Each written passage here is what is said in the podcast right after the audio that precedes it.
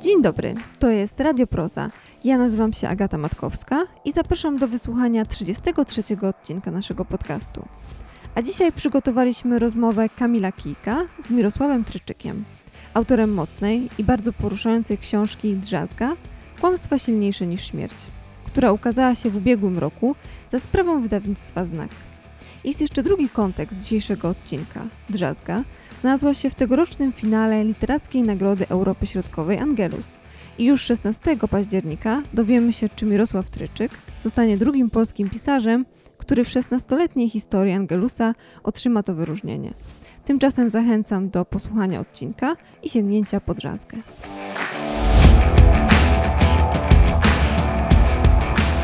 Dzień dobry Państwu, nazywam się Kamil Kijek i mam zaszczyt i przyjemność poprowadzić spotkanie z doktorem Mirosławem Tyrczykiem, y, historykiem, filozofem, nauczycielem, osobą publiczną, czy też nawet, nie wiem, sygnalistą czy budzicielem y, sumień.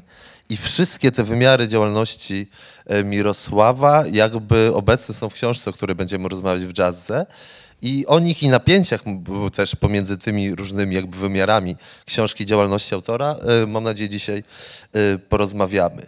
I mój pomysł na to spotkanie jest taki, żeby było jakby dosyć demokratycznie, to znaczy ja bym nie chciał swoimi pytaniami zabierać większości czasu, więc e, spotkanie jest obliczone na godzinę, może troszkę godzinę dłużej, więc ja się może ograniczę na początku do trzech pytań yy, i później oddam głos Państwu, ale oczywiście proszę nie czuć wielkiej presji, bo jestem przygotowany, mam o czym rozmawiać.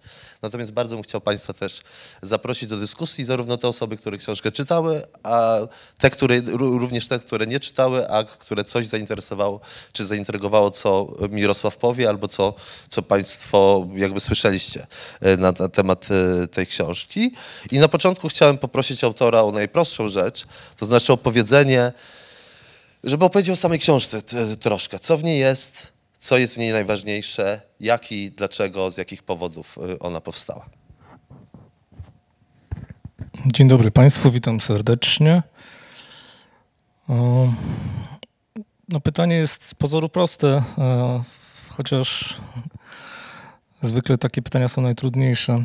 E, No, może nie najtrudniejsze, ale są trudne, bo książka jest wi- wielowymiarowa, streścić ją jest, e, te, te, te różne wymiary jest e, to proces dość, dość skomplikowany. No po pierwsze powstała z potrzeby serca, jakkolwiek brzmi to banalnie, to znaczy mm, moja rodzinna historia, uwikłanie tej rodzinnej historii w zbrodnie popełniane przez sąsiadów polskich na swoich sąsiadach żydowskich było od samego początku jakoś taką kanwą, która krystalizowała moją biografię, moje życie, mój życiorys, jakkolwiek to brzmi znowu, więc ta, ta, ta potrzeba wynikała głównie z tego, to znaczy to, to było takie pierwsze fundamentalne doświadczenie, które, a, które mnie do, tej, do napisania tej książki popchnęło. Podobnie zresztą jak poprzedniej książki, a, poprzedzającej Drzazgę, czyli Do miast śmierci.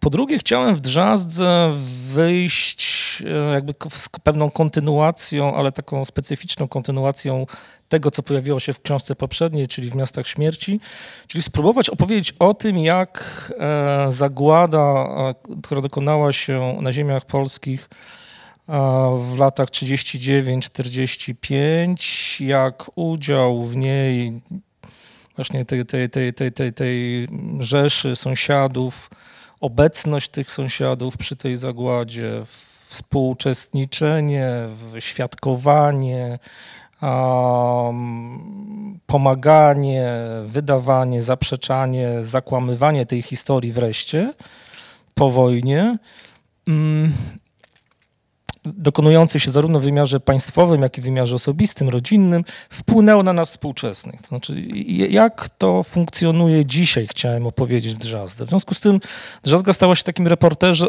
reportażem o współczesnej Polsce przede wszystkim. O współczesnej Polsce, która nieustannie e, jakby odkrywa demony przeszłości nie umie się z nimi uporać, a nie umie uporać się z ciałami pochowanymi e, często bardzo płytko, e, które co róż wychodzą z podziemi niczym niczym ta prawda. Jest taki, taki, taki e, psalm Cylkowa z XIX-wieczny, który, który powiada, że prawda z podziemi wyrasta, sprawiedliwość z nieba spoziera, no więc ta prawda nam wyrasta z podziemi um, wraz z ciałami zabitych, z kości, właściwie ze szczątkami, z kośćmi i my się nie umiemy z nią uporać, tak? Chciałem opowiedzieć o sytuacji społecznej w, miasteczkach, do których dochodziło do, do, do, do, do zbrodni popełnionych na żydowskich sąsiadach. Opowiedzieć o tych ludziach, którzy się z tym zmagają w drugim, w trzecim pokoleniu, głównie po stronie sprawców, ale też po stronie ofiar, bo Oczywiście to było trudniejsze znacznie. E, dotarcie również do tych, którzy ocaleli i do ich e, następnych, e, do ich, do, do, do, do ich krewnych, do następnych pokoleń tych ludzi. Z różnych względów, najczęściej, jak, jak pewnie wiesz, jak Państwo pewnie wiecie, wielu z tych, którzy ocaleli, emigrowało, więc rozsiani po świecie właściwie uciekali też, bo to lepsze określenie czasem jest niż emigracja. Emigracja bywa zwodniczym terminem. E, no więc odpowiedź także i o, o, o, ich sytuacji, o tym, jak, jak, jak to wpłynęło na, na, na kolejne pokolenia ofiar. Ludzi, ale przede wszystkim przyjrzeć się jednak, jak to funkcjonuje z perspektywy tych, którzy, mm, mm, których przodkowie się owych zbrodni dopuścili. No wreszcie przyjrzeć się współczesnej Polsce, jak sobie radzimy z przeszłością, a właściwie jak sobie z nią nie radzimy, opisać te kłamstwa, które są silniejsze niż śmierć, które funkcjonują w naszej przestrzeni publicznej, które używa się także w dyskursie politycznym. O jednym pewnie z takich drobniutkich e, rzeczy, które wpłynęły na decyzję o napisaniu tej książki w tym momencie, w którym napisałem, była pewna debata polityczna, w której jeden z polityków e, wykorzystał motyw jedwabnego, żeby zdobyć przewagę polityczną. Okazuje się bowiem, że ten, ten, ten, ten spór o jedwabne i jest takim jednym z, kanonicznych sporów współczesnej współczesnego dyskursu społecznego, politycznego. On konstytuuje nasze życie, pozwala społeczne podzielić się na tych, którzy wierzą, na tych, którzy nie wierzą, na tych, którzy kłamią, na tych, którzy mówią prawdę. No, chciałem się temu wszystkiemu przyjrzeć, ale też przede wszystkim przyjrzeć się temu, jak ten spór i jak ludzie, którzy się wspierają o, o to, co się wydarzyło, funkcjonują w takich miasteczkach jak Jedwabne, Radziłów, Szczuczyn, Wąsosz, kiedy im te kości, będące silniejsze e, niż, niż śmierć, tak? te, te kości, czyli te, te, te, zakłamane prawdy wychodzą z podziemi i, i co oni z nimi robią. Tak? To jakby wynikało też z tego, że ja przez ostatnie, no właśnie to ustalaliśmy z prowadzącym, ale no przynajmniej mam wrażenie naście lat, z różną intensywnością zajmowałem się tematem zagłady, podróżowałem po Podlasiu, zbierałem materiały najpierw do tej poprzedniej książki Miasta Śmierci, później właściwie nie, nie, musiałem zbierać materiału do drzazgi, bo on jakby wynikał z tych podróży. Chciałem też opowiedzieć o tym, co się w czasie tych podróży wydarzyło, o tych wszystkich spotkaniach, o przygodach, y, makabrycznych zdarzeniach, które miały miejsce. Tak, no a wszystko i tak zaczęło się od historii rodzinnej i od potrzeby jej opowiedzenia, więc, więc to chyba tak e, mm, w skrócie rzecz ujmując. To, to chciałem się właśnie teraz odnieść w kolejnym pytaniu do czegoś, co jest pewnym napięciem w tej książce, to znaczy właśnie tym, że to jest jednocześnie bardzo osobista, indywidualna książka, bo ona też jakby dotyczy y, twojej rodziny, a zarazem to jest książka na wskroś kolektywna, to znaczy taka, która e, jakby jest pewnym oskarżeniem wspólnoty i mówi do wspólnoty i mówi jakby jako wspólnota mówi jakby my Polacy, my Polacy, my nasza odpowiedzialność. I e, czytając tą książkę tak się zastanawiałem, czy właśnie nie zastanawiałem, bo w tej książce też są świadectwa, że tego rodzaju kolektywne oskarżenia jakby wyzwala bardzo silny kolektywny mechanizm właśnie takiej tej narodowej e, samoobrony, który też mamy jakby bardzo mocno zaprogramowany w kulturze właśnie mitologizacji i obrony przed właśnie przed atakiem na, na, nasze, e, na, na, e, na nasze dobre imię. I teraz moje pytanie o tą sprzeczność jest taką, to znaczy w jaki sposób mówić i czy w jazzie to się udało o tych no pewnie jeden z najstraszniejszych, czy najbardziej kontrowersyjnych, najbardziej bolesnych dla wszystkich, niezależnie od poglądów jakby osób słuchających tą historię, jak mówić o tym, żeby wzbudzać refleksję, indywidualny namysł, e, który by nie wywołał tego mechanizmu samoobrony i ne- negacji automatycznie. Bo to jest jakby ten problem, że jeżeli my się odwołujemy, mówiąc ciągle jakby o rzeczywistości historycznej, takiej kategorii narodu skonstruowanej, gdzie wszyscy są wspólnotą i że naród był dobry albo zły, naród działał albo tak, albo tak, to jednocześnie mechanizm jakby narodowej samoobrony pewnej jakby wywołujemy, jakby myślenie kolektywne, które jest trochę jakby moim zdaniem stoi jako przeszkoda tej indywidualnej refleksji i takiemu spokojnemu namysłowi i w tej książce są świadectwa osób, które się z tego wyrwały, ale to są jakby bardzo wyjątkowe osoby z niej jakby wynika.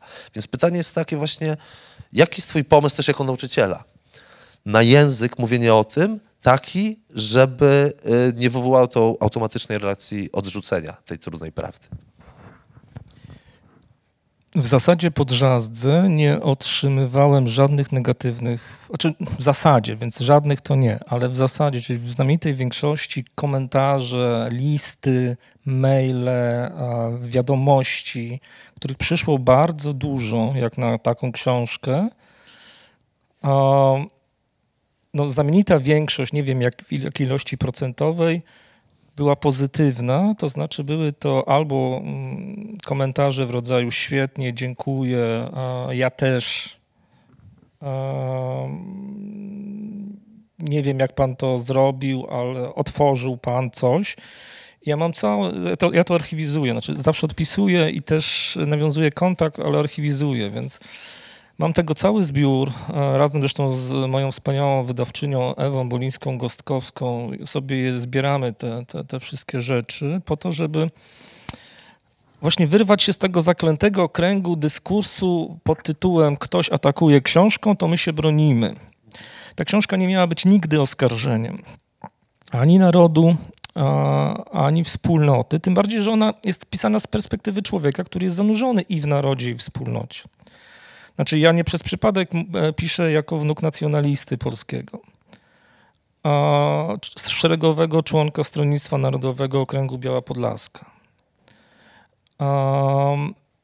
Przedwojennego oczywiście, który całe życie jakby zmie, zmierzył się z, tą, z tym backgroundem e, właśnie takiej głębokiej, prawda, narodowej, etnicznej, e, nacjonalistycznej narracji do, w domu i gdziekolwiek indziej, w otoczeniu swoim. Ja nie przez przypadek zawsze podkreślam, zarówno w tej książce, jak i w rozmowach, które odbyłem, zbierając materiał do niej, podróżując po Podlasiu. Pierwsza rzecz, którą, którą zawsze mówiłem, przychodząc do ludzi, w Szczuczynie, w Radziłowie, Wąsoszu, Rejgrodzie, Suchowoli gdziekolwiek mm, robiłem rozmowy, badania, jakkolwiek to nazywać, przyjeżdżałem po prostu. Zawsze podkreślałem, że jestem stamtąd. Znaczy w, w tym sensie, że, że moi dziadkowie byli stamtąd, że ja nawet starałem, czy starałem się, mi się to od razu w, w, po, pojawiało w moim głosie to, to mówienie tamtejsze. To znaczy, ja w ogóle kocham Podlasie. W tym sensie e, nigdy nie czułem się jakby postawiony z zewnątrz wspólnoty narodowej, etnicznej, e, jakiejkolwiek innej. Tak też starałem się pisać tą książkę. Nie przychodziłem wbrew temu, tam po- pojawia się taki jed, jed- jeden pasus, gdzie się przedstawiam jako badacz Żydowskiego Instytutu Historycznego, ale to jest tylko jeden taki pasus. Zwykle zaczynałem rozmowę po to też, żeby przełamać pewne schematy, tak, obronne, jak powiedziałeś.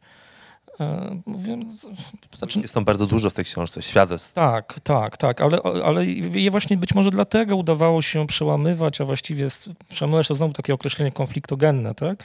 A raczej wchodzić w rozmowę, e, nawiązywać tą rozmowę. Czasem bardzo, bardzo emocjonalną, gdzieś pojawiały się łzy albo pojawiały się różne reakcje psychofizyczne, które, które tam się po, po, czasem pojawiają jak, jak, jako, jako mój komentarz albo mój opis, czasem się nie pojawiają, bo już uznawałem, że za dużo, prawda, tam tych łez czy, czy, czy nie wiem, różnych rodzajów reakcji e, ciała, które pojawiały się w trakcie rozmów, nie wiem, o tym, jak staliśmy nad miejscem pogrzebania kolejnych, kolejnych pomordowanych ludzi. A, mm, więc ym, być może też dlatego udało się w konsekwencji wywołać taki efekt, w którym E, I też zależało, e, zależało mi, pisząc tą książkę, by taki efekt e, wywołać, nie konfrontatywny, tylko taki, k- którym ten, ten, ten rodzaj takiego fortunnego zapomnienia ta książka umożliwi. E, Tokarska Bakir, profesor Tokarska Bakir bardzo ładnie o tym napisała w komentarzu, który się pojawił na, na fragment tego komentarza pojawił się na e, tylnej stronie okładki. E, że no, on, on, on wprowadza takie pojęcie fortunne i niefortunne zapomnienie. Niefortunne zapomnienie to jest takie, które uniemożliwia wyjście z traumatycznej sytuacji, z doświadczenia bólu, cierpienia, zbrodni w wspólnocie na poziomie tym politycznym, społecznym, etc., ale też na tym poziomie indywidualnym. Myśmy w tym kraju po książce Grossa, także po książkach innych wybitnych historyków i badaczy zagłady, jak Barbarze, książkach Barbary Engelking czy e, profesora Grabowskiego i innych, nie wypracowali czegoś, co można by nazwać fortunnym zapomnieniem. Właśnie dlatego w konsekwencji ten konflikt, o którym mówisz, te reakcje obronne, tego, te, te różnego rodzaju sytuacje, które, które w naszej debacie publicznej, ta wściekłość, furia, którą wywołują, wywoływały różnego rodzaju informacje o, o przebiegu zagłady, bo myśmy też, zauważcie, drodzy Państwo, odkrywali dopiero, jak ta, odkrywamy dopiero, jak ta zagłada faktycznie wyglądała e, w okresie II wojny światowej na ziemiach polskich, bo często to się pojawia, no, no, no, nie chcę mówić, ale jestem już dość stary, a także osób, które są starsze ode mnie, w komentarzach tych osób, że nam tego nikt nie mówił, jak ta zagłada faktycznie wyglądała, prawda? Brak wiedzy się też e, pojawia w tym całym dyskursie, brak świadomości tego, jak, e, jak ginęli Żydzi na ziemiach polskich, z czyich rąk i, i, i w, w jakich etapach e, się to, to wszystko odbywało. Ale ostatecznie to, e, to, to fortunne zapomnienie nie, e, właśnie nie było możliwe, ponieważ i, i, I to był jakby też zamysł, który mi przyświecał tej, przy pisaniu tej książki. Nikt nie, nie postawił się po drugiej stronie, znaczy nikt nie postawił się po stronie sprawców w narracjach różnego rodzaju. Tak? Ja siłą rzeczy, z racji mojego ukonstytuowania rodzinnego, em, postanowiłem mm, przyjąć tą perspektywę od samego początku. Zarówno w miastach śmierci e, nie tak wyraźnie, ale chciałem powiedzieć, co się stało, pisząc tą książkę, a potem w drzazdze, zbierając te wszystkie historie, szukając grobów, rozmawiając e, o tym, gdzie kto był przy zabijaniu i jak to wpływa dzisiaj na przecież tych wszystkich niewinnych ludzi, którzy funkcjonują w jedwabnych Radziłowach, Szczuczynach, ci, którzy się urodzili po wojnie, nijak nie odpowiadają za to, co tam się wydarzyło i mają tego przeklętego pecha urodzić się w takich miejscach, a nie w innych. No, Ja miałem to szczęście urodzić się we Wrocławiu. Nie muszę codziennie chodzić do pizzerii, nie muszę codziennie chodzić na- do, do sklepu i myśleć o tym, że tutaj leżą ciała pomordowanych przez mojego dziadka, a tam leżą dziewczynki, które sąsiad, prawda, zabijał jakimś, j- j- jakąś pałą czy jakimś łomem. Więc siłą rzeczy e, postanowiłem też przyjąć tą perspektywę od samego początku pisania i zbierania materiału do drzazgi. Stanąć po stronie tych ludzi i jakby z ich perspektywy, po pierwsze zacząć z nimi rozmawiać, stąd te podkreślenia moje, że jestem stąd, że, że dziadek też. Tam jest taki dialog. jeden z, jeden, jeden z, z rozmówców tak pyta mnie, mm, tam, mm, pana kurwa dziadek też zrobi, klnie przy tym, ale klnie, bo jest w emocjach, tak? On tam cały się trzęsie, prawda? To odpowiada, że tak, to jakby Tak, to- zaufanie. No, to, to wtedy wzbudza się jego zaufanie, bo ja staję po jego stronie. On, zauważcie, jaki to jest straszny problem. Em, Ja też mierzę się z tym problemem w tej książce bardzo mocno. Jak to jest kochać człowieka, który robi coś takiego, jak zabicie drugiego człowieka, jak pogodzić e, to w swoim umyśle e, z jego obrazem później kochającego, dbającego, bezpiecznego człowieka, to pojawia się w pierwszej z rozmów, która w tej książce się em, która otwiera tą książkę, rozmowie z, ze Skrockim, który też klnąc, bo jest w emocjach, myśmy tam w ogóle byli w emocjach, zresztą w związku z tym piliśmy nieco przy, przy tej rozmowie, nalewki pana Skrockiego, bardzo dobrej zresztą, um, ponieważ on w pewnym momencie mówi, no coś pierdolnęło do głowy mojego ojca. Tak? On próbuje zracjonalizować tą sytuację, która, która, e, która wywołała zbrodnię, e, u- skonfrontować ją z obrazem człowieka, który właśnie dbał o niego, kochał go, zabezpieczał go. O, to jest podstawowy problem wszystkich ludzi, którzy mają tego pecha urodzić się w rodzinach e, zagładowych po stronie sprawców. Tak? Um, to jest też jeden z problemów, inny problem, ale, tak, ale, ale w podobnym emocjonalnym wydźwięku dotyka z kolei ludzi, którzy rodzą się w rodzinach, które jakby e, są spadkobiercami ofiar z kolei. Z kolei gdy rozmawiam z, z, z, z moimi przyjaciółmi żydowskimi, ja słyszę od nich nieustannie pytania, jak to było możliwe, po pierwsze, ale po drugie słyszę też ten potworny brak zaufania do ludzi. Tak? Czy to, ta, ta relacja sąsiedzka e, zerwana w tych Radziłowach, Szczuczynach była dlatego tak potwornie, tak potworną raną, tak silną raną. W związku z tym te emocje publiczne, o których mówisz, ten krzyk publiczny, te, te agresje, te wrzaski, to nie my, to oni, to Niemcy, ktokolwiek, prawda?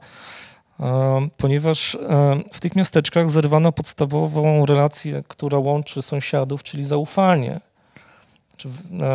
bardzo intymną relację. Oto sąsiad był w stanie zabić dzieci sąsiada, zabić jego samego, zabić jego bliskich.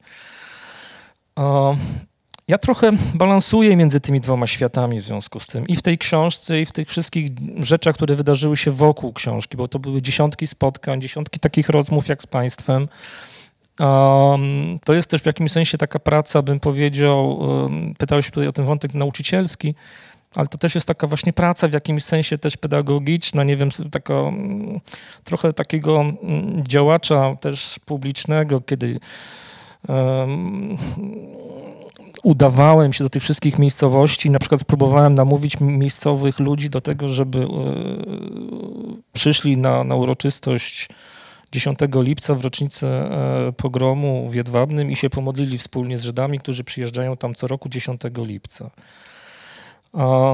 Nigdy to się nie udało e, te, te, tego zrobić, ale te wszystkie rozmowy zostały odbyte i ja wiem, że ten klimat tam się też trochę zmienia w tym sensie, że mm, ci ludzie przestają się być może mniej wstydzić, a bardziej zaczynają myśleć w sposób progresywny, to znaczy a w tej całej też pracy, jakby w ostatnim, już puentując w zamyśle e, tej książki, było też to, żeby pokazać pewną drogę wyjścia z zaklętego kręgu wstydu, pytań dlaczego oraz takiego, takiej drogi, która prowadzi od wstydu do oskarżenia ofiary, bo kiedy uświadamiamy sobie, jak ten Skrocki w pewnym momencie uświadomił sobie, czy, czy jak wielu moich rozmówców, że, że, że, że dziadek prawda, z, zrobił coś strasznego, no to, to mamy taką, taką tendencję do usprawiedliwiania przodka poprzez e, stosując mechanizm przerzucenia winy na ofiarę.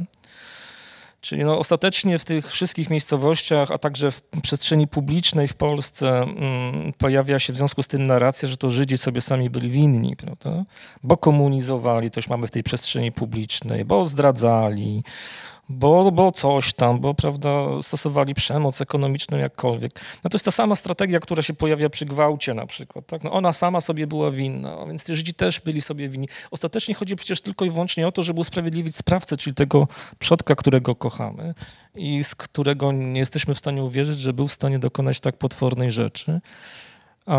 Więc ja próbowałem też w tej książce, ale też w swoim własnym życiu i w tych wszystkich podróżach, rozmowach, działaniach i czasem bardziej, czasem mniej zakulisowych, e, pokazać ludziom możliwość wyjścia z tej sytuacji inaczej niż poprzez kłamstwo, czyli kłamstwo silniejsze niż śmierć, czyli kłamstwo, które polega na przerzuceniu winy na, na, na, na, na ofiarę.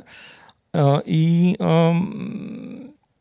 no nic, no, no jest, jesteśmy w jakimś momencie tej, tej, tej, tej, tej, em, tej, tej, tej całej drogi, bo ona się pewnie jeszcze długo nie skończy.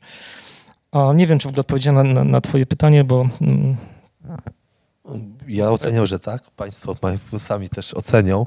I chciałem się, to tak. jako historyk bardzo się chciałem zapytać mm, o historyczną warstwę tej książki, to znaczy o dwie rzeczy, które już padły w twojej wypowiedzi. Pierwsza o ten wątek, ale o się o to nie zapyta, tylko pierwsze to o ten wątek, tylko to na razie o tym tylko wspomnę, o ten wątek zerwanej sąsiedzkiej więzi, że to nie jest przecież tak, że ona się nagle zerwała podczas wojny, tylko nowoczesne nowoczesna kultura zrywania tej sąsiedzkiej e, więzi, kilkadziesiąt lat tej nowoczesnej kultury jakby poprzedziło te, te wydarzenie, które opisujesz i dlatego one takie straszne żniwo zebrały, bo to było kilkudziesięcioletnia e, podbudowa, ale przez to, co powiedziałeś, to jest tak ciekawe i tak ważne, że chciałem się o co innego jednak zapytać, zanim Państwu oddam głos. To znaczy... Ta książka, muszę Państwu przyznać, że mi osobiście, no jakby odchorowałem ją wręcz e, czytając, natomiast ona ma pewien optymistyczny, wydaje mi się, przepraszam, e, wątek.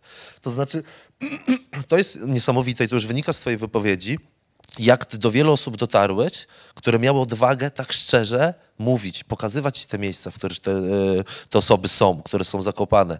E, Mówi, przełamać strach przed, nie wiem, rewanżem, nawet przed jakimś krzywdą fizyczną, którą może im ktoś zrobić, bo, to, bo, bo tam też się te wątki pojawiały. I po prostu ja byłem zaskoczony, jak wielu jest odważnych ludzi i jaką oni mieli tak z tej książki przynajmniej wynika i chciałem, żebyś o tym opowiedział, potrzebę takiego wylania tej całej prawdy, mówienia ci, mimo że no, wiedzieli, tak, że, że za tych mogą spotkać e, jakby jakieś ko- konsekwencje. Więc moje pytanie jest takie, jakby jak do tych ludzi dotarłeś, w jaki sposób z nimi rozmawiałeś, czy trzeba było jakiegoś specjalnego sposobu rozmowy, żeby ci ludzie tak odważnie i tak szczerze tyle rzeczy jakby powiedzieli i skąd w ogóle wynika gotowość? Tych ludzi, którzy przełamali przecież jakby no potężną, e, no potężne tabu, czy potężny taki jakby no presję społeczną, która jest wokół nich, bo tam nawet jedna z twoich rozmówczy mówi, że tu jest jak na Sycylii, jeżeli chodzi o mówienie o tych sprawach, tak, że jest pewna jakaś wręcz omerta. A jednak ta książka jest pełna tych ludzi, i to bardzo różne, o bardzo różnej proweniencji społecznej. Ludzi, którzy wyjechali tak, z Podlasia, nie wiem, studiować do Warszawy, ale też ludzi, którzy tam zostali. Młodych i starych, którzy tak odważnie mówią. Więc tak naprawdę pytanie jest, jak to się stało, że ci wszyscy ludzie y, się w twojej książce znaleźli. Bo tam jest e, bardzo wielu, to znaczy znamienita większość normalnych, fajnych ludzi. A pamiętajmy, że to jest cały czas trzecie pokolenie po zbrodni, kompletnie nie, nieodpowiedzialne za to, co się stało i w żaden sposób nie ponoszące winy e, za to, co się stało. Zresztą tam jedna z rozmów z osobami z Jedwabnego jest taka, że dziewczyna z Jedwabnego, o, dziewczyna, no kobieta, dojrzała już mówi, że ona się za każdym razem wstydzi potwornie, kiedy musi podać miejsce, z którego pochodzi, gdzieś tam w urzędzie lub, lub, lub, lub, lub, lub, e, w, w jakimś tam miejscu, kiedy ją pytają, skąd pochodzi. Więc, więc to już sygnalizuje e, ciężar e, emocjonalny, traumatyczny, z, związany z faktem, że ktoś urodził się i pochodzi z. To wywołuje ciśnienie.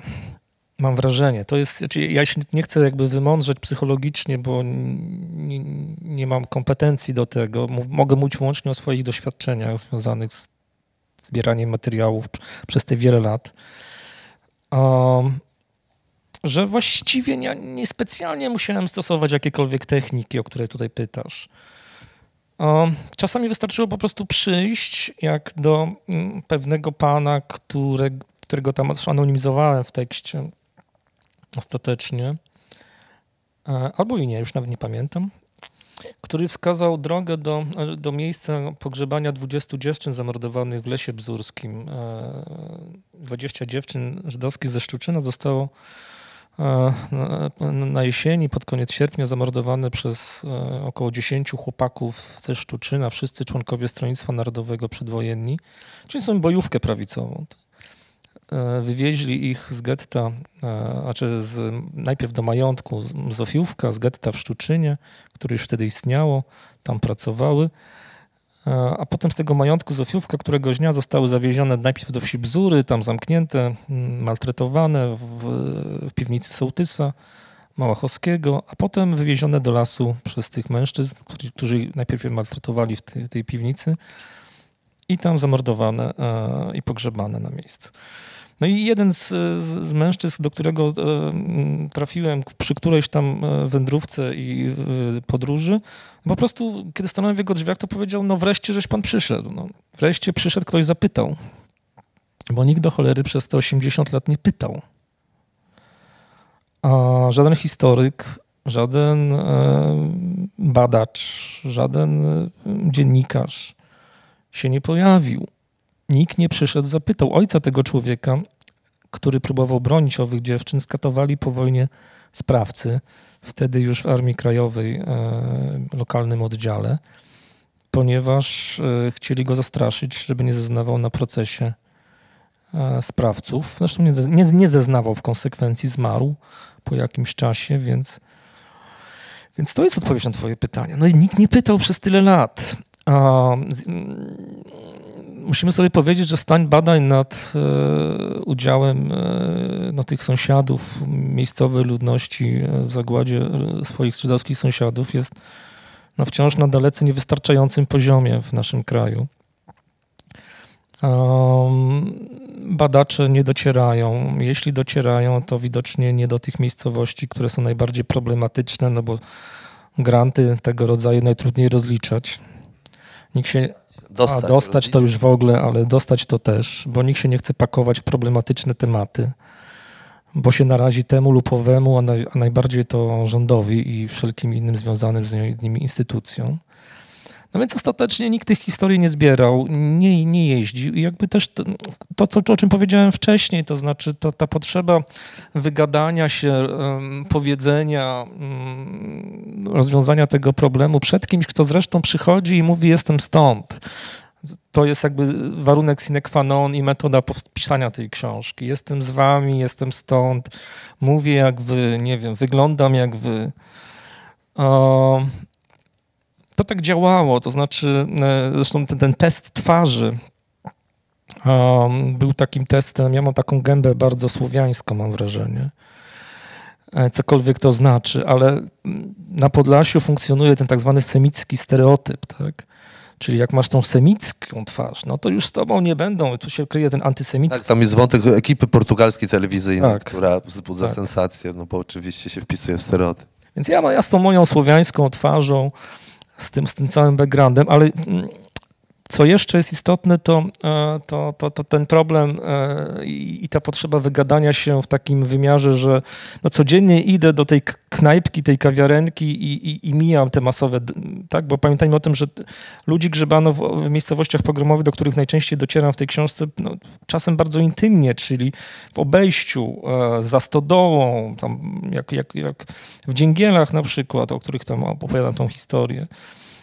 W Trzciannym, w wielu mi- miejscach, gdzieś w okolicznych lasach, no w Szczuczynie oczywiście, tak, w, w Radziłowie.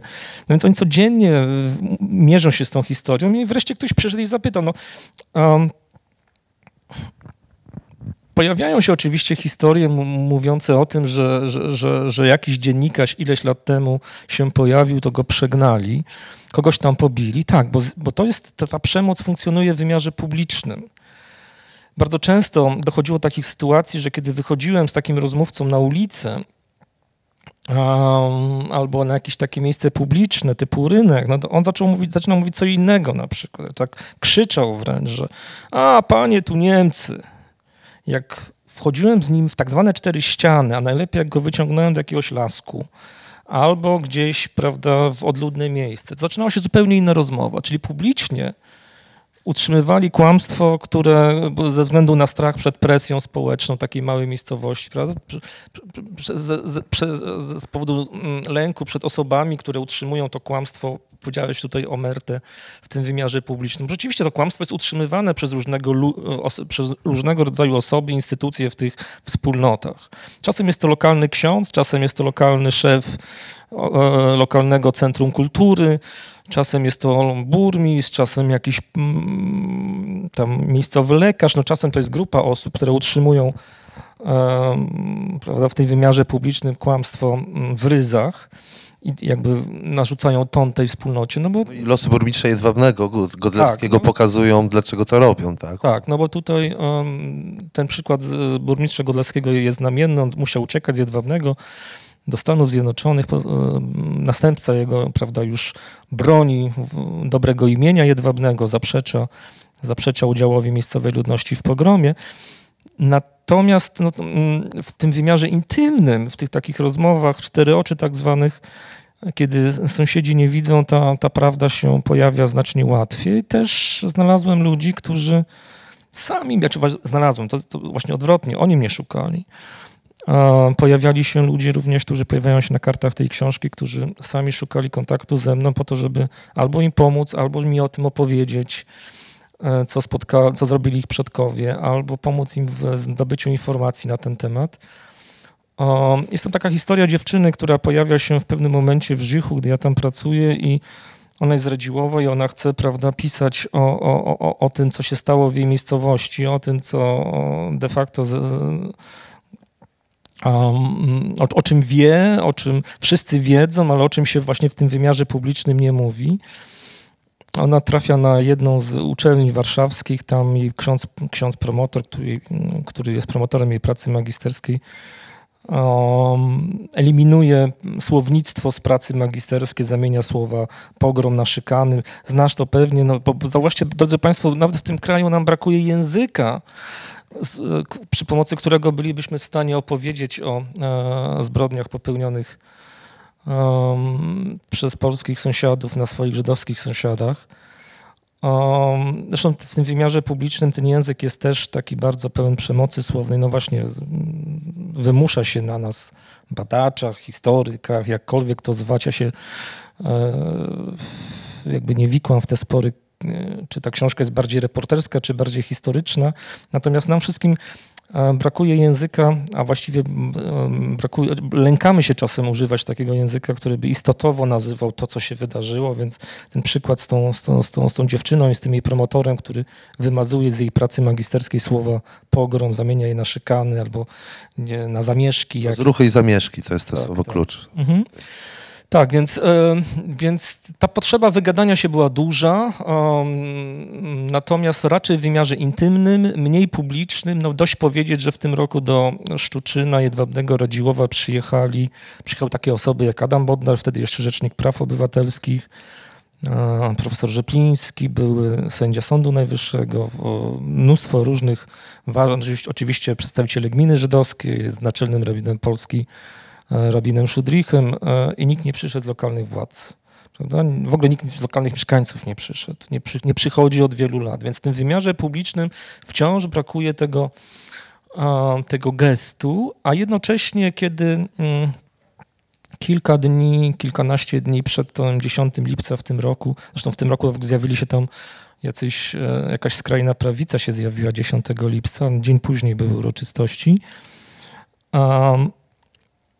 Kiedy ja rozmawiałem z, z, z ludźmi ze Szczuczyna akurat, z burmistrzem, kolega dzwonił też do, do, do, paru osób, no to pod wpływem tych rozmów e, ktoś, jakaś niewidzialna ręka czarna skosiła trawę wokół e, pomnika w Szczuczynie, który zresztą też, to, ciekawa w ogóle, w ogóle rzecz, e, pojawia się w książce, kwestia pomników, czyli tej polityki historycznej, prawda, państwa polskiego, ona jest manifestowana na pomnikach właśnie.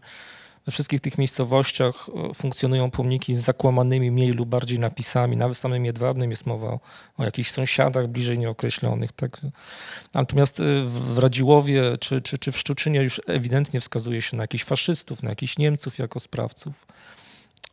Ale właśnie wokół tego, nawet tego zakłamanego pomnika w tym Szczuczynie ktoś, jakaś niewidzialna ręka e, skosił trawę, czyli w tym wymiarze intymnym zrobił coś, co byłoby, czy co jest takim gestem moralnie pożądanym, e, właściwym, e, zamanifestował jakąś chęć zmiany, natomiast w wymiarze publicznym wciąż tego brakuje, bo wciąż nikt nie przyszedł zarówno z władz, jak i z mieszkańców. I tak się dzieje w tych miejscowościach um, od, od, od dawna.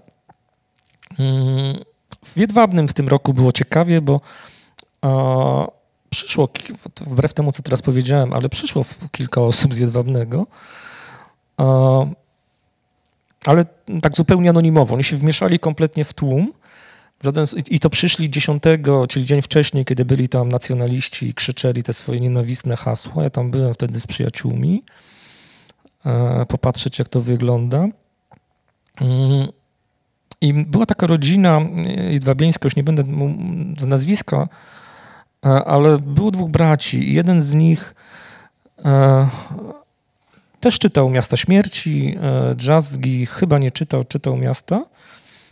e, ale był takim bardzo e, pro-prawda, znaczy bardzo dużo mówił o tym, że tak, tu miejscowi, to wszyscy wiedzą, to kłamstwo, że Niemcy, co- co tutaj ci nacjonaliści krzyczą.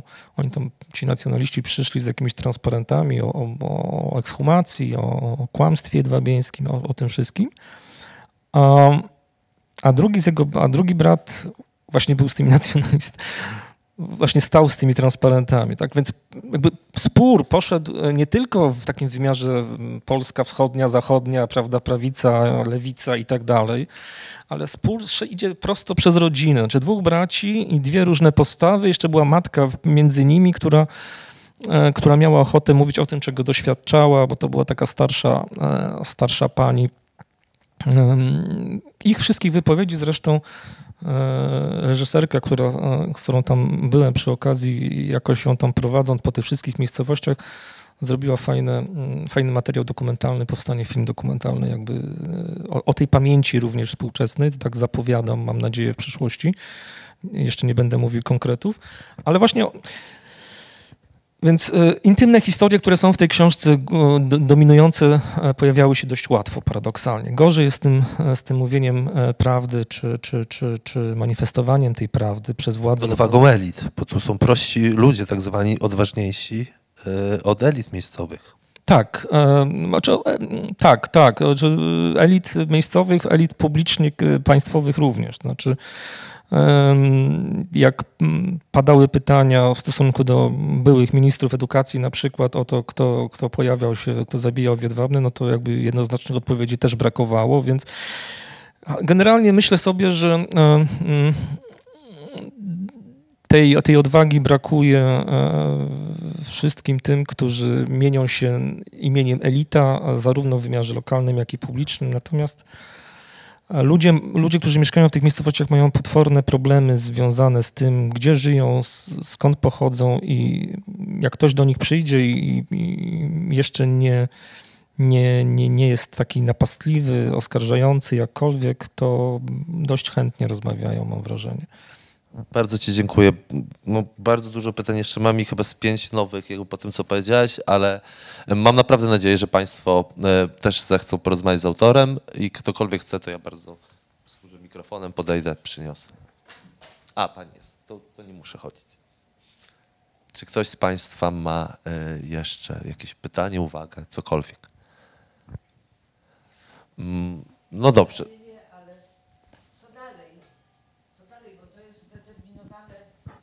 Strefie, ja mówię dosyć głośno, intymnej, takiej indywidualnej ludzie potrafią mówić. Przecież jedyną drogą do jakiegoś porozumienia i do zbudowania ładu, takiego, no nie chcę być patetyczna, ale ładu w sercach, ale i ładu społecznego, ładu y, jakiś, na, jest droga prawdy. Jeżeli nie będziemy mówić o tym otwarcie, a u nas jest to rodzaj albo tabu, albo jakiś kompleks straszny yy, i, i może boją się ludzie. Ja byłam na spotkaniu yy, mm, autorskim, no nie pamiętam, książka nosiła tytuł Życie w sąsiedztwie Żydów albo Życie obok Żydów. I tam y, pani, która prowadziła wywiady, mówiła, że ludzie często umawiali się na spotkania, bo to chodziło o to trzecie pokolenie, e, które wiedziało, że dziadek zabił, czy że ojciec, czy drugie pokolenie, że ojciec zabił. I byli tacy, którzy, jak mówiła, tłumaczyli, że no pani, czasy były ciężkie, no to doniósł na Żyda, że mu potem odciął palec i zabrał czy ten pierścień, czy, czy coś tam, no to kupił za to krowę i uważał, że to oczywiste, że no, nic się nie stało.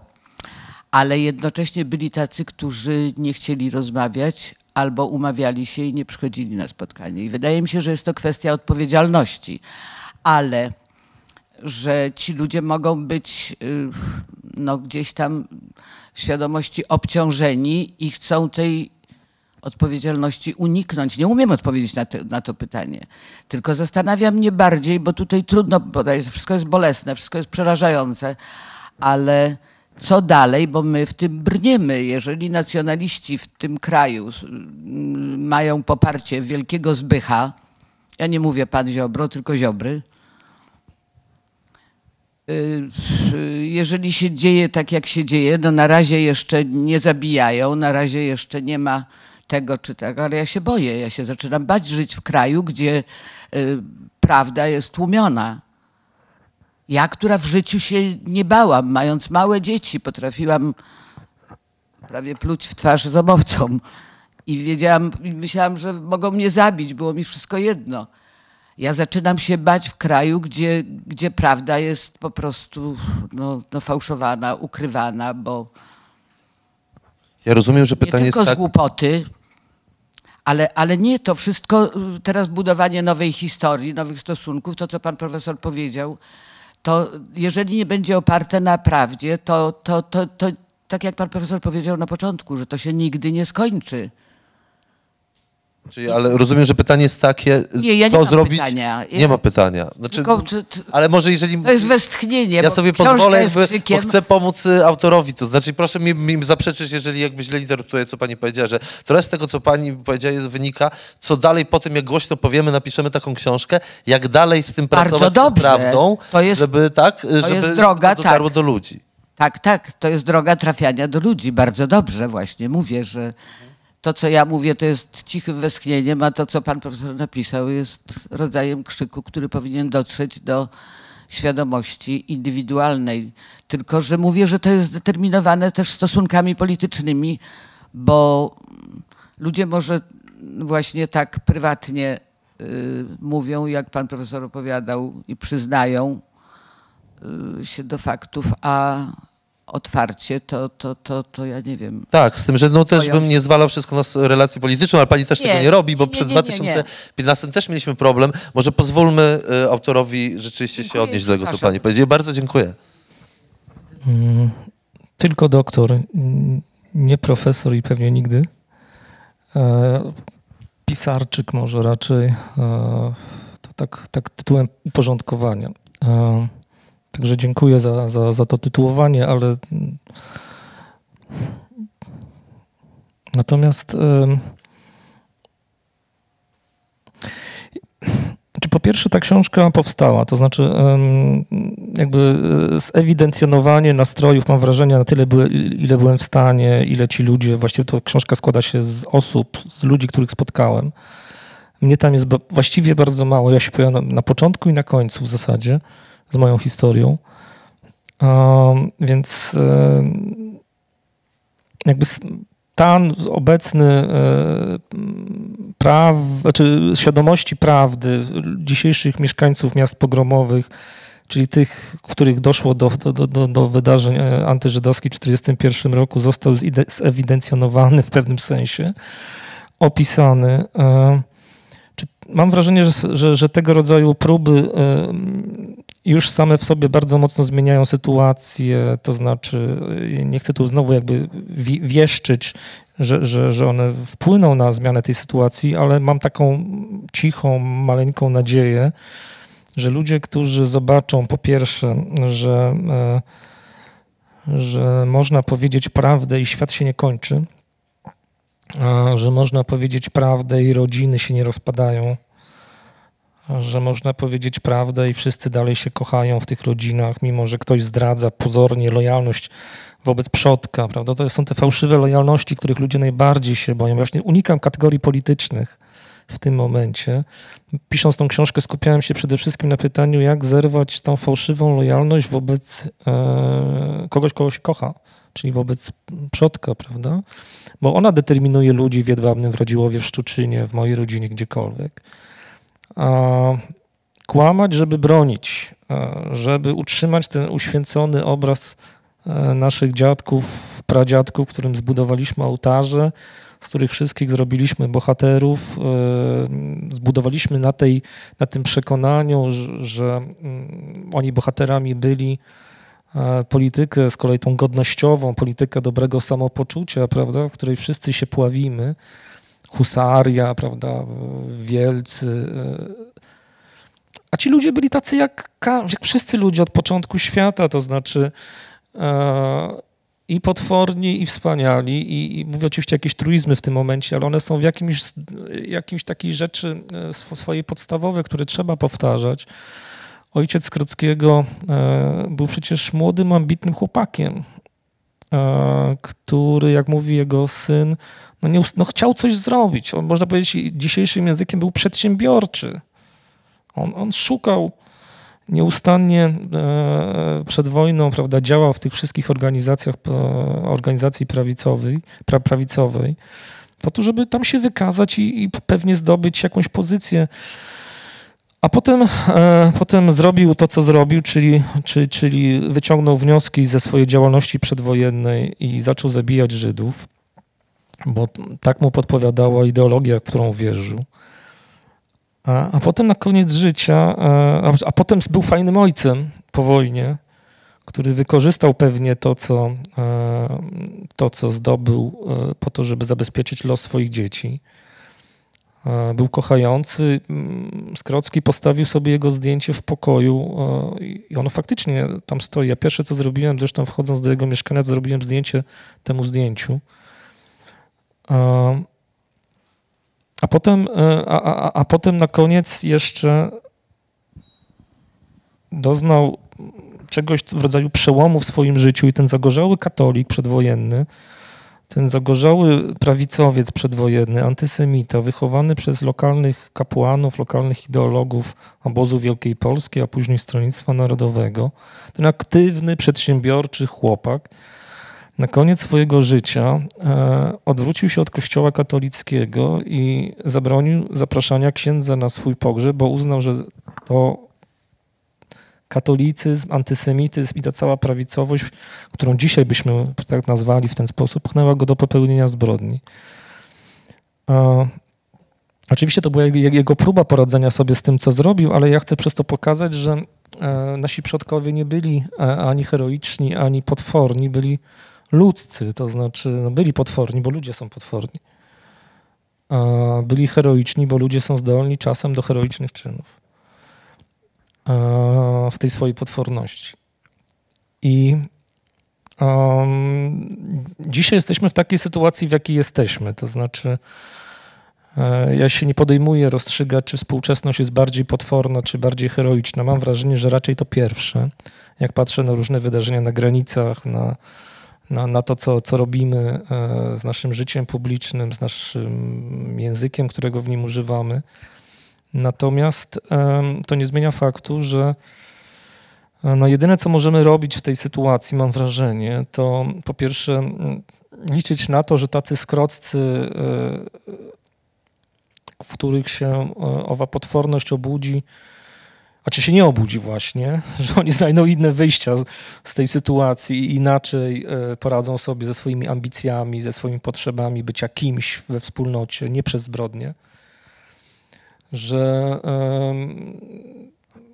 może prędzej, a może później doznają podobnych przemian, co on, że wreszcie może poznając, pisząc takie książki, to mówię ze, swojego, ze swojej perspektywy,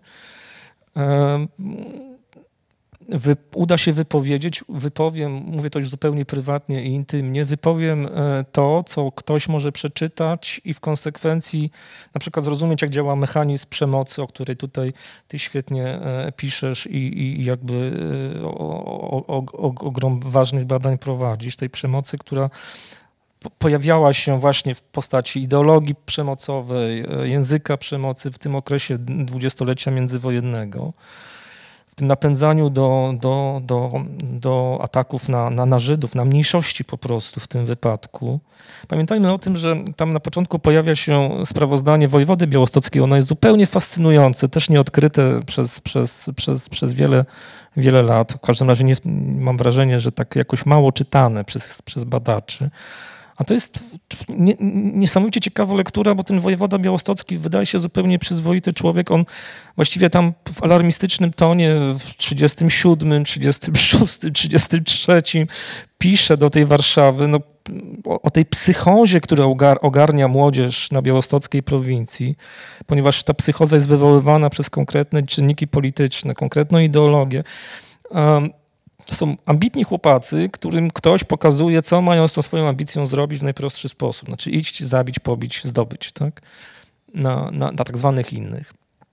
Um, a więc może tak się łudzę, że, że, że w konsekwencji wyciągniemy te wnioski z historii. Zaraz powiesz jako specjalista, że nie jesteśmy w stanie się niczego nauczyć z historii. Akurat wierzę, że tak. No, do, to- do tej mniejszości należy, która wierzy, że jesteś. to, to, to świetnie. Natomiast em,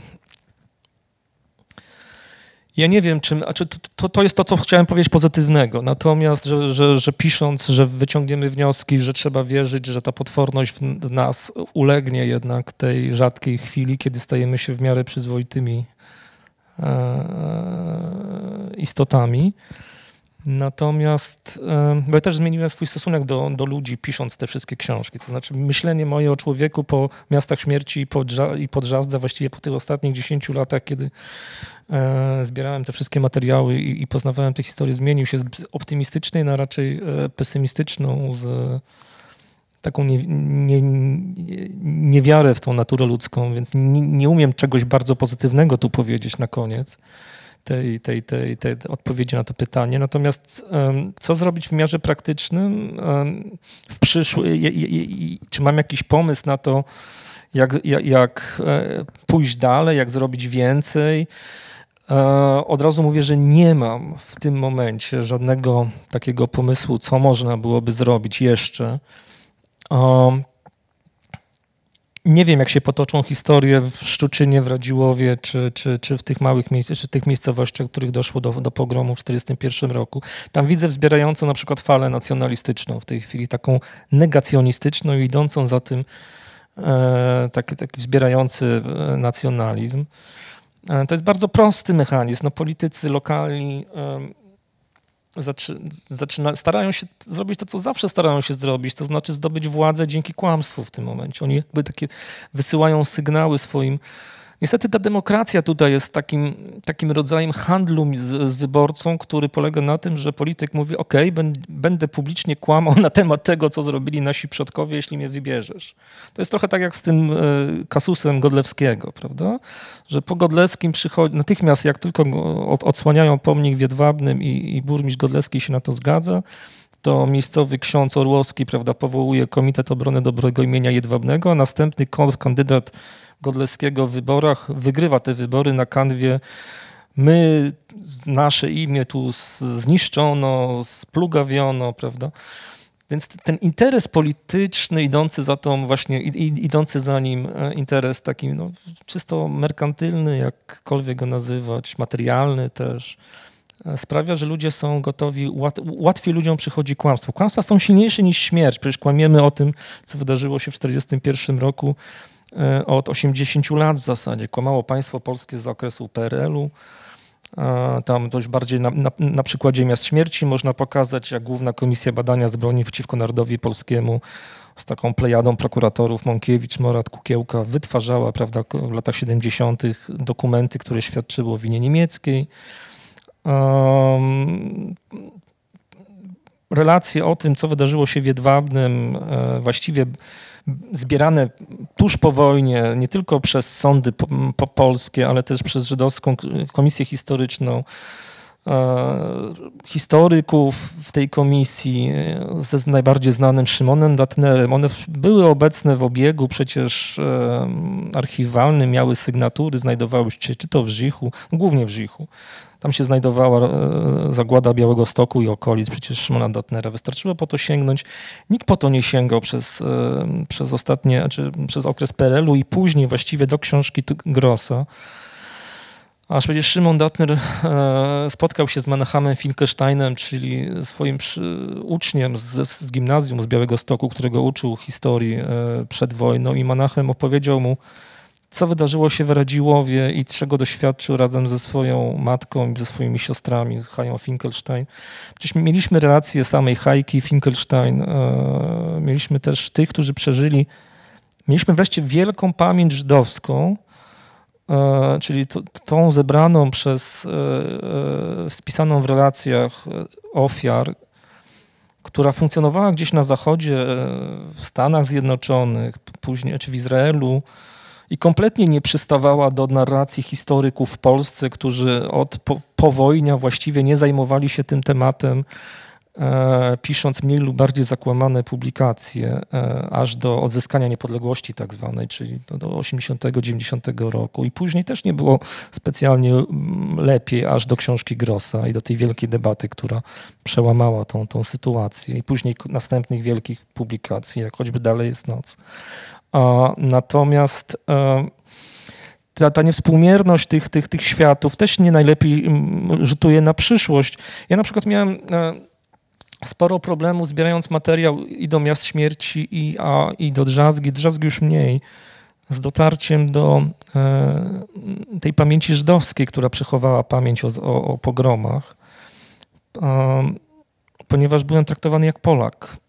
To znaczy, ktoś, komu się nie ufa.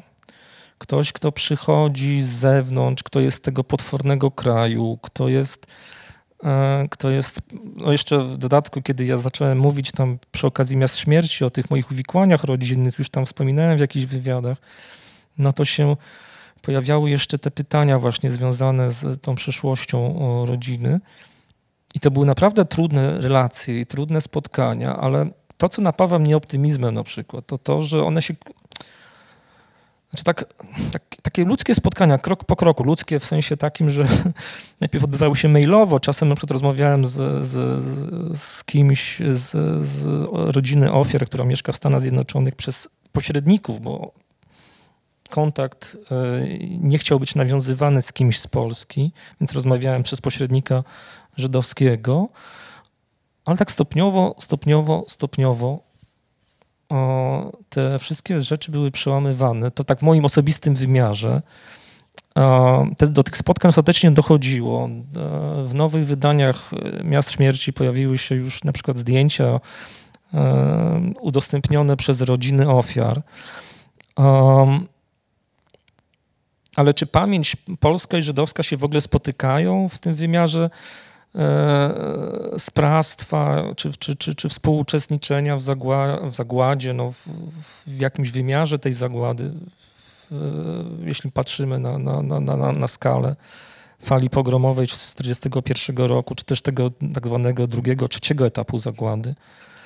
Czy, czy te pamięci się spotykają? Ja mam wrażenie, że wciąż nie. To znaczy, dzisiejsza sytuacja polityczno-społeczna jest raczej no, kolejne napięcia, kolejne pęknięcia, kolejne, prawda, um, skrzywione, zafałszowane narracje. Więc ja generalnie nie jestem optymistą um, takim bardzo. Natomiast myślę sobie, że um, kłamać nie, nie da się e, w nieskończoność. Znaczy, kłamstwo jest trudniejsze niż prawda. Kłamstwo wymaga przemocy, żeby to kłamstwo utrzymać, nieustannego stawiania na baczność, nieustannego kontrolowania tego, kto co pisze, jak pisze, kto co mówi na rynku, kto co mówi publicznie. E, W kłamstwo trzeba nieustannie inwestować mnóstwo środków i, i co prawda wiele różnego rodzaju zdarzeń z historii pokazywało, że trwanie kłamstwa jest możliwe w bardzo długich odstępach czasu, no to jakkolwiek to zabrzmi kiczowato, ostatecznie te, te mury wzniesione przez kłamstwo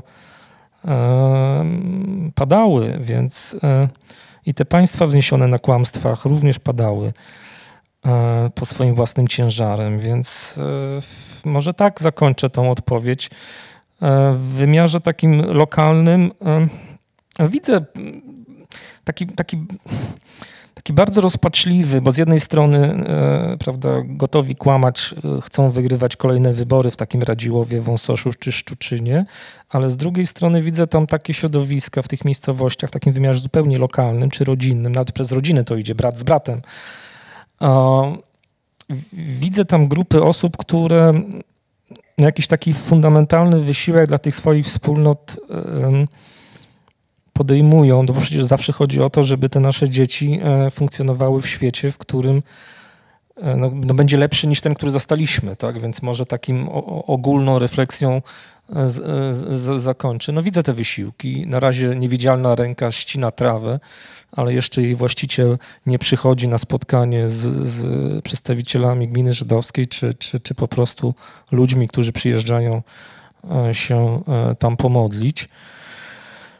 No, a może są, tylko ja ich nie widzę na przykład, to też jest możliwe, jakieś pojedyncze osoby. Nie, na pewno nie ma oficjeli. Mam nadzieję, że przyjdą e, z czasem em, i że to nie będzie trwało za długo. Dziękuję. Mamy czas jeszcze na jedno, maksymalnie dwa pytania szybkie, więc jeżeli Państwo chcą się jeszcze o coś zapytać, coś powiedzieć, to bardzo zapraszam. Jeżeli nie, to ja jeszcze jedno pytanie z obowiązku zawodowego i potrzeby osobistej, zawodowej i osobistej zadam. Ale bardzo proszę, jeżeli Państwo ktoś chciał coś powiedzieć czy się zapytać. Dobrze, to ja chciałem się zapytać o warstwę historyczną e, jazzgi, która tak, jak sam powiedziałeś, jest kontynuacją e, Miast Śmierci. E, I jakby chcę wyjść w moim pytaniu od pewnej słabości, moim zdaniem, e, tak zwanej Polskiej, e, Polskiej Szkoły Badań nad Zagładą i to w tym Warszawskiego Centrum Badań nad Zagładą, które jest mi też ideowo, jakby metodologicznie w ogóle e, bardzo e, bliskie. Otóż polskie badania nad Zagładą, mówię tu o profesjonalnym środowisku historyków, w ogromnej mierze abstrahują od kilkudziesięciu wcześniejszych lat w ogóle historii i w tym historii społecznej, gospodarczej i tak dalej i zakorzenieniu w tejże głębszej historii jakby relacji polsko-żydowskich, tak jakby właśnie te polsko-żydowskie relacje się zaczęły w 1939, 41 albo 42 roku.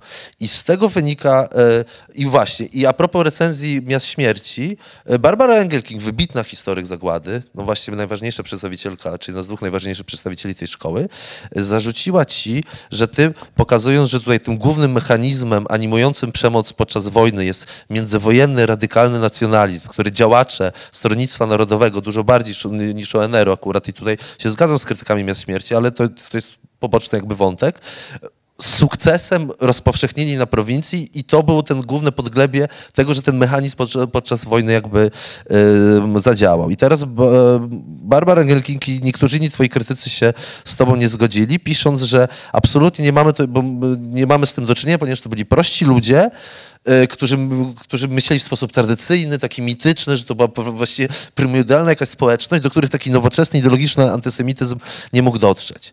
No ja się osobiście bardzo z tą krytyką nie zgadzam, ponieważ jak dobrze wiemy, to jest pierwsze pokolenie, które dorastało w nowoczesnym państwie polskim. To jest pierwsze pokolenie, które się urodziło, czy dorastało po 1918 roku, które poszło do szkół, pisało i czytało i było, mogło być podatne na tą propagandę, znaczy mogło rozumieć język miejskiej agitacji politycznej i stąd tę masowość wstępowanie tych młodych chłopaków, o których mówisz, do, do stronnic narodowych. Do nich przyjeżdżają studenci, oni są z tymi studentami w stanie jakby dogadać. Natomiast rzeczywiście, i to się w dżadze pojawia, tylko tutaj nie dajesz komentarza. Nie sam nacjonalizm i antysemityzm, tak? To znaczy mamy ten, ten wątek od końca XIX wieku, no, rodzenie się polskiej nowoczesnej tożsamości w warunkach takiej peryferyjnej modernizacji, w warunkach rozbioru, w warunkach strachu ogromnego polskich elit przed tym, że tak, że naród jakby może e, nie, nie przetrwać. Mamy potem odrodzone państwo polskie z ogromnymi problemami, z kryzysem potężnym gospodarczym, a z drugiej strony mamy to nowe pokolenie, które pierwsze idzie do szkół, pierwsze ma większe ambicje, mówisz, mówi się o tych przedsiębiorczych rzeczach i teraz państwo i system społeczny, który w ogóle tym ludziom jakiegokolwiek szans jakby nie daje. Yy, przemoc, korupcję w państwie i tak dalej. I teraz przychodzą agitatorzy Stronnictwa Narodowego i mówią o czwartym ym, zaborze i tak dalej. I dają tą łatwą ścieżkę jakby, tak? Tej wielkiej rewolucji, tego wielkiego wybuchu, tego nowego otwarcia, tej rewolucji narodowej, która zmieni jakby świat na lepszy, nasz. Y, a nasz świat, którym jest bardzo źle i jakby bardzo ciężko. Mamy ten sam problem, który dotyczy tak samo młodzieży żydowskiej międzywojniu. To jest też pierwsze pokolenie, które jest uczone, że jesteście obywatelami państwa polskiego, które idzie do szkół, ma du- dużo większe ambicje i które też nie może zaspokoić. Mamy wreszcie polityków, którzy dokładnie tak jak teraz świetnie sobie radzą na wzbudzanie jakby napięć międzyetnicznych. Mamy wreszcie ten wątek taki postfeudalny, tej po- postfeudalnej struktury klasowej, struktury społecznej właściwie biedy i nie, nie, nie, nie można się z tego wyrwania. I ten cały jakby wybuchowy potencjał, dopiero ta agitacja radykalna, antysemicka i e, i, i właśnie tak antysemicka i ta właśnie narodowa jakby uruchamia. Więc chciałem się tak, ciebie zapytać jakby, co właśnie ty myślisz o tych wszystkich innych przyczynach? Nie negując, bo ja absolutnie jakby nie to, co chcę powiedzieć, że e, agitacja nacjonalistyczna, skrajny antysemityzm nie odegrał głównej roli, odegrał rolę kluczową, natomiast on uruchomił potencjał bardzo wielu innych rzeczy. Więc o twój stosunek do tych innych czynników chciałem się zapytać na koniec. Znaczy, z, z, z tym wszystkim, co powiedziałeś, e, się zgadzam. Wiem o tym.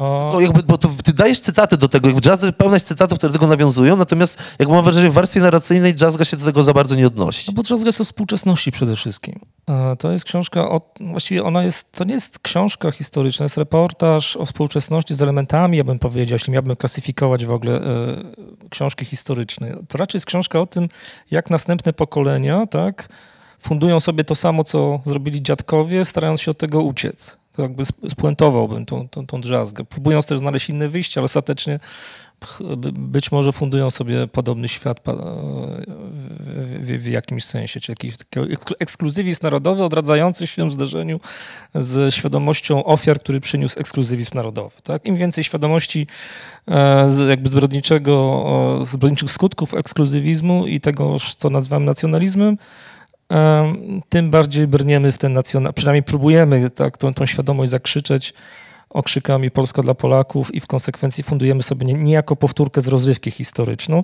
co jakby może, może im więcej to tak brzmi, że to jest jakby związek przyczynowo-skutkowy, to jest raczej ta taka reakcja kontrrewolucyjna, prawda, że tutaj książka Grossa, e, książki badaczy zagłady mówiące o skutkach ekskluzywizmu narodowego w historii Polski, antysemityzmu, etc., wywołują reakcję zwrotną w postaci właśnie budujemy ten, ten, ten ekskluzywizm jeszcze mocniej, żeby ukryć prawda, tą prawdę, która nam z podziemi wy, wy- wychynęła i, i, i zakrzyczeć ją, zakłamać, zak, zakopać znowu i jakby ten, ten ekskluzywizm, który obserwujemy jest pewną, pewnym rodzajem reakcji, oczywiście tylko w, pe- w, w, w jakimś stopniu. I to jest jakby w jakimś stopniu przyczyna tegoż ekskluzywi, ekskluzywizmu współczesnego. Nie wiem, czy ja to mówię jasno, ale, ale e, odwołując się do twojego pytania, oczywiście to wszystko prawda, co powiedziałeś. To znaczy, e, ale też e, jak- jakby w Drzazdę to wszystko jest sygnalizowane, e, pokazujące podglebie e, zbrodni, po- pogromów i innych zbrodni z 1941 roku i też z późniejszych lat. Natomiast ja tylko Drzazdę to te, te wszystkie rzeczy, o których powiedziałeś, staram się zasygnalizować. Też na przykład wskazując na to, co właściwie nie pojawiało się tak bardzo w polskiej narracji historycznej po Grosie. E, I staram się to pokazać zarówno w miastach, jak i w Drzazdę. To znaczy udział miejscowych elit, właśnie elit, to znaczy tak, pierwsze pokolenie urodzone po wojnie, tak, wychowane w, w polskiej oświ- o- oświacie powszechnej, zarówno polskie, jak i żydowskie. To pięknie widać w Szczuczynie, gdzie mamy dwie szkoły. Zresztą właściwie w wielu miejscowościach są zwykle dwie szkoły. Najpierw polska jedna, potem żydowska. Wychodzą z okresu przedzaborowego, tak to zwykle funkcjonuje. Natomiast tak lata 30. to już jest stopniowa unifikacja i ta żydowska zwykle staje się już tą szkołą pol polską powszechną i tak się dzieje w Szczuczynie, tak? Tam te reformy Andrzejewicza w oświacie, to wszystko sprawia, że y, y, szkoły wyznaniowe zostają st- stopniowo jakby wessane w pewnym stopniu przez ten system. Są państwa szkoły dla dzieci wyznania mojżeszowego Tak. i one są likwidowane i jakby czynienia z nich są... To samo dzieje się ze szkolnictwem ukraińskim, też trzeba pamiętać. Nawet Bardziej bardziej, nawet, tak. E, To idzie za tym rekoncyliacja cerkwi, ale to już jakby taki wątek, który się pojawia w Drzazdę właściwie na koniec i on tłumaczy sytuację moją rodzinną z kolei, też w jakimś stopniu, tam ten wątek ukraiński w rodzinie. Natomiast, bo w ogóle generalnie Podlasie to wiecie Państwo wiele kultur, więc podziały idą jak, jak siekierą, tak, bo u nas siekiery się, więc, więc idzie to przez rodziny e, ba, bardzo ostro, natomiast, e, natomiast e, ten młode pokolenie wychowane w Polsce, no polskie, jak i żydowskie, żydowskie już takie bardziej poddawane presji polonizacyjnej też, to też o tym warto wspomnieć, ukraińska młodzież również, to, to rodzi bunt, opór, ale też oczywiście ambicje młodego pokolenia polskiego, bo to głównie z tej perspektywy sprawców jest pisane. To ten Skrocki na przykład, tak? Mamy też e, ty, no, cały ten k- wojujący katolicyzm również, elity miejscowe, które budują swoją pozycję w odniesieniu i do sanacji. Mamy Tak, bo to opozycja jest głównie tym tak, mechanizmem tej przemocy narodo, na, Ruch narodowy, tak, stronnictwo. No i to idące, prące do władzy, do władzy stronnictwo narodowe, które wykorzystuje wszelkie możliwe metody, żeby tą władzę w Warszawie zdobyć i dlatego podpala tą Białostoczyznę. Stara metoda... Leczyznę też, kilka innych miejsc, Tak. bo też nie, nie możemy stygmatyzować tylko Podlasia. Jasne, ale ja o Znaczy, tym jakby- W Małopolsce są mechanizmy i tak dalej, nie? Podpalają właściwie cały kraj, ale ja piszę wyłącznie, tutaj o tej Białostoczyźnie, bo to daje mi kontekst do 41 roku w obu książkach, ale podpalają cały kraj po to, żeby zdobyć władzę w Warszawie. To jest ta stara metoda rzymska, która powiada, że jeśli chcesz zdobyć władzę w Rzymie, musisz podpalić granicę w Germanii, prawda? Musisz znaleźć wroga. Mamy ten rodzący się faszyzm przecież we Włoszech, później nazizm w Niemczech. A więc tutaj te, te skrajne e, prawicowe e, ideologie na siebie oddziaływują. A tam zresztą e, z, Białostoczyzny jest blisko, prawda? Więc oni tam mają y, gdzie, skąd czerpać e, e, wzorce. Ja się zgadzam oczywiście, że nie ONR wyłącza. To są jakieś szczegóły. Obóz Wielkiej Polski, Stronnictwo Narodowe, właściwie wszystko na Białostoczyźnie jest jednym, znaczy Stronnictwem Narodowym. Jeśli chodzi o antysemityzm, to oni się Tak, ba- no, tak bardzo nie różnią. Praktyczny, codzienny, tak? Są relacje przecież i tego wojewody, które cytuję, i, z, i inne źródła o tym mówią, że stronnictwo udziela wszelkich możliwego wsparcia lokalnym, um, prawda, um, o- OWP-owcom, ONR-owcom, a wszystkim udziela, udziela wsparcia Kościół katolicki na, swoje salki katolickie, prawda, udostępniając na, na, na, na zebrania partyjne. Ale no, w praktyce, w tej mikrohistorii, jak to wygląda? No, wygląda to w taki sposób, że e, ta szkoła żydowska, zamieniana z czasem na szkołę polską, tak, pod wpływem kolejnych reform edukacyjnych, zaczyna zatrudniać księdza, księdza Kamińskiego, wikarego z Radziłowa, który już w tym Radziłowie e, jest e, takim duchowym zapleczem miejscowego stronnictwa, podburza antysemityzm w samym Radziłowie, ale też przenosi go na grunt szkoły w Szczuczynie, zarówno jednej, jak i drugiej, bo on tam w obu szkołach e, uczy.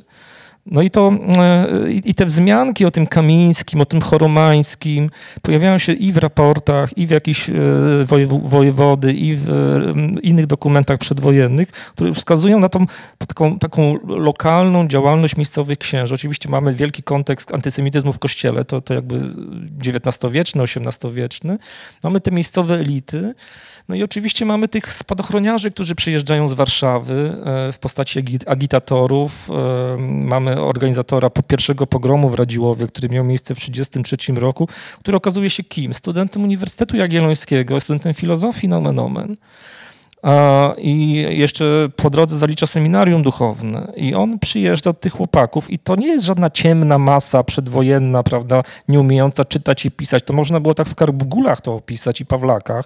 Mamy głowę, prawda, zwłaszcza pokolenie moje, u, u, urodzone w latach 70., i jeszcze wcześniejsze, napchane tymi kliszami, prawda, o tym, jak wyglądała przedwojenna Polska.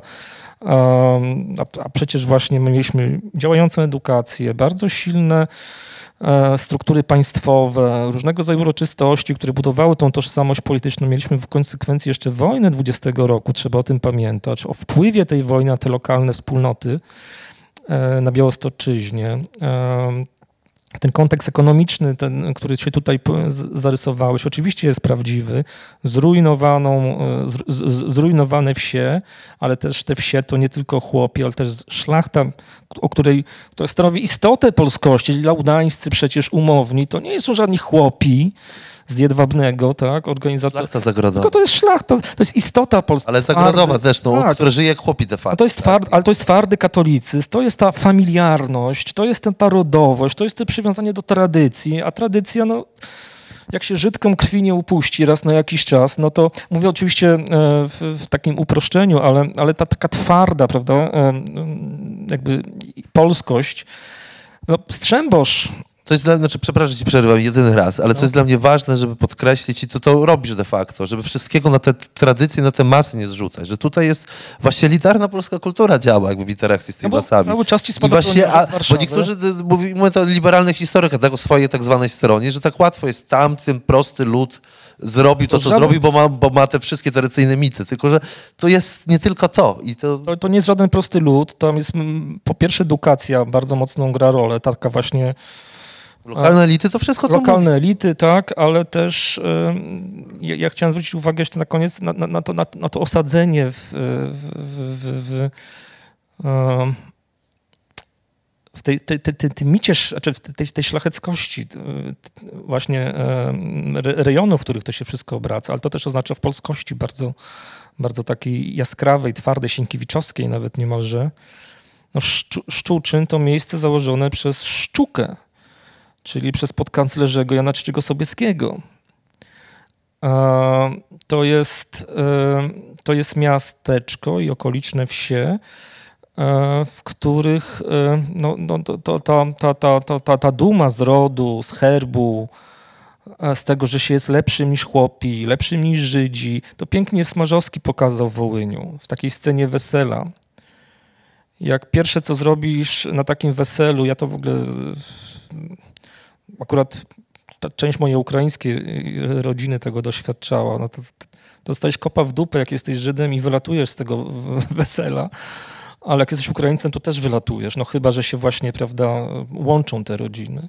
Że tak, taka hierarchia nie tylko klasowa, e, szlachta, tak, czy w ogóle kapłan, tam lekarz, burmistrz, szlachta, chłopi, Ukraińcy, Żydzi na samym dole, um, ale też taka wynikająca jakby Właśnie i, teraz wchodzi ta modernizacja, tak? To ktoś, no, ludzi nauczymy się w kategoriach narodowych. 100 lat wcześniej nie, Tego tak nie ma, łatwo się tak? nie rozróżniali na Ukraińców. A, ale też wchodzi ta modernizacja i właśnie te ambicje się pojawiają. E, tych młodych chłopaków, którzy wiedzą, że są szlachtą herbową, e, jakkolwiek są Polakami u siebie, prawda, niepodległość. I nie mogą się rozwijać, bo jest kryzys ekonomiczny, bo ich wsie są zrujnowane przez tą wo- wojnę z bolszewikiem, bo bolszewik rabował wsie, a miasteczka zostawiał, a Żydom w miasteczkach jest lepiej, więc zaczyna się cała ta narracja. Tu przyjeżdża spadochroniarz z Uniwersytetu Jagiellońskiego. E, Ksio- ksiądz mówi na katechezie, że e, Żydzi tam, prawda, mm, oblali wrzątkiem rydza śmigłego, dlatego jest łysy, a w tym wszystkim jeszcze nauczyciel mówi, dokłada swoje, prawda, bo też jest e, jakimś narodowcem lokalnym. A to wszystko się, prawda, obradza, obraca w sytuacji geopolitycznej. Mamy faszyzm, nazizm u naszych sąsiadów.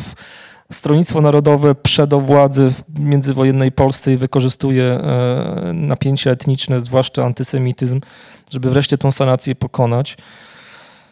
No i mamy 39 rok, wszystko się nagle wali i dwa lata później e, pojawia się taka sytuacja przedziwna, to znaczy bolszewicy umykają, Sowieci umykają, e, front przechodzi, e, niemieckie oddziały jadą dalej na wschód, one cały czas się pojawiają w tych miejscowościach w tym okresie, przecież to jest dwa miliony idzie na wschód Niemców więc, e, i sojuszników, więc mnóstwo się wojska prze, przetacza, ale powstaje próżnia władzy, to znaczy pojawia się sytuacja w 1941 roku, w czerwcu, w lipcu, w sierpniu, ale głównie w czerwcu i w lipcu w Radziłowie, Wąsoszu, Szczuczynie i etc., gdzie ci młodzi chłopacy z tym wszystkim w głowach e, zaczynają e, tworzyć lokalną władzę, bo nie ma władzy. Nie ma bolszewik, nie ma władzy sowieckiej, a niemiecka jeszcze się nie utworzyła, bo Niemcy są zaangażowani w, w zdobywanie e, Rosji, a nie w ustanawianie swojej administracji w Radziłowie, czyli w Pipidówie z ich perspektywy, mówiąc już tak bardzo kolokwialnie, czyli w kompletnie strategicznie nieznaczącym miejscu, jakim jest Radziłów, Wąsosz, Szczuczyn, etc. W dodatku pasie, właściwie w pasie przygranicznym. A, Jeszcze, no, musimy powoli kończyć, więc No ja i- podsumuję, że jest jeszcze ten okres okupacji radzieckiej, tak, 39-41 i jak to też te napięcia międzyetniczne nie jeszcze bardziej wzbudza, no i to się wszystko nałożyło na to wszystko, co Pamiętajmy o. Żydach wywożonych z tego, w tym okresie w, w ramach różnego rodzaju akcji pacyfikacyjnych dokonywanych przez Sowietów na kułakach szeroko rozumianych, w tym żydowskich. kupcach, na litach Tak, dokładnie, oni się- komunistycznych tak samo, tak. A Pamiętajmy o współpracy miejscowej ludności z aparatem sowieckim również, ale ten moment próżni władzy jest ciekawy, już tak puentując na koniec, bo te, te wszystkie napięcia, które tutaj sobie mm, opisaliśmy z okresu międzywojennego, znajdują tą kulminację w tym okresie próżni, próżni władzy. Oni wtedy robią co chcą, ci miejscowi. To, do czego się przygotowywali, o czym fantazjowali, o czym, e, co planowali, kończy się w Stodole. W Jedwabnym w Radziłowie albo na cmentarzu w Szczuczynie żydowskim, gdzie e, sukcesywnie w kolejnych nocach pałują całą ludność, niemalże całą ludność żydowską, szczuczyńską, a resztę dożynają e, w kolejnych tygodniach, kończąc w bzurach. Mirku, przepraszam cię, nie chciałbym, żebyś skończył tym zdaniem. Skończ, powiedz coś jeszcze na zakończenie. To nie będzie tym zdaniem. Pozytywne. Właśnie e, nie umiem e, powiedzieć nic pozytywnego. Chyba nie, nie, tak to zakończmy. Ten moment jest, e, wtedy się jakby, może tak, myśląc o tym wszystkim, słuchając tego wszystkiego, czytając o tym momencie, do którego, w którym jakby te wszystkie ścieżki, o których sobie powiedzieliśmy, kumulują się w tym czerwcu, lipcu 41 roku, a, no myślmy o tym, żeby, żeby jakkolwiek to zabrzmi, kiczowato, ale żeby to się nie powtórzyło. To znaczy, e, dzisiaj te różne ścieżki też biegną w kierunku, e, który może mieć, e, może nas doprowadzić do wniosku, że niczego nie uczymy się z historii. Bardzo Ci dziękuję, bardzo Państwu dziękuję za uwagę.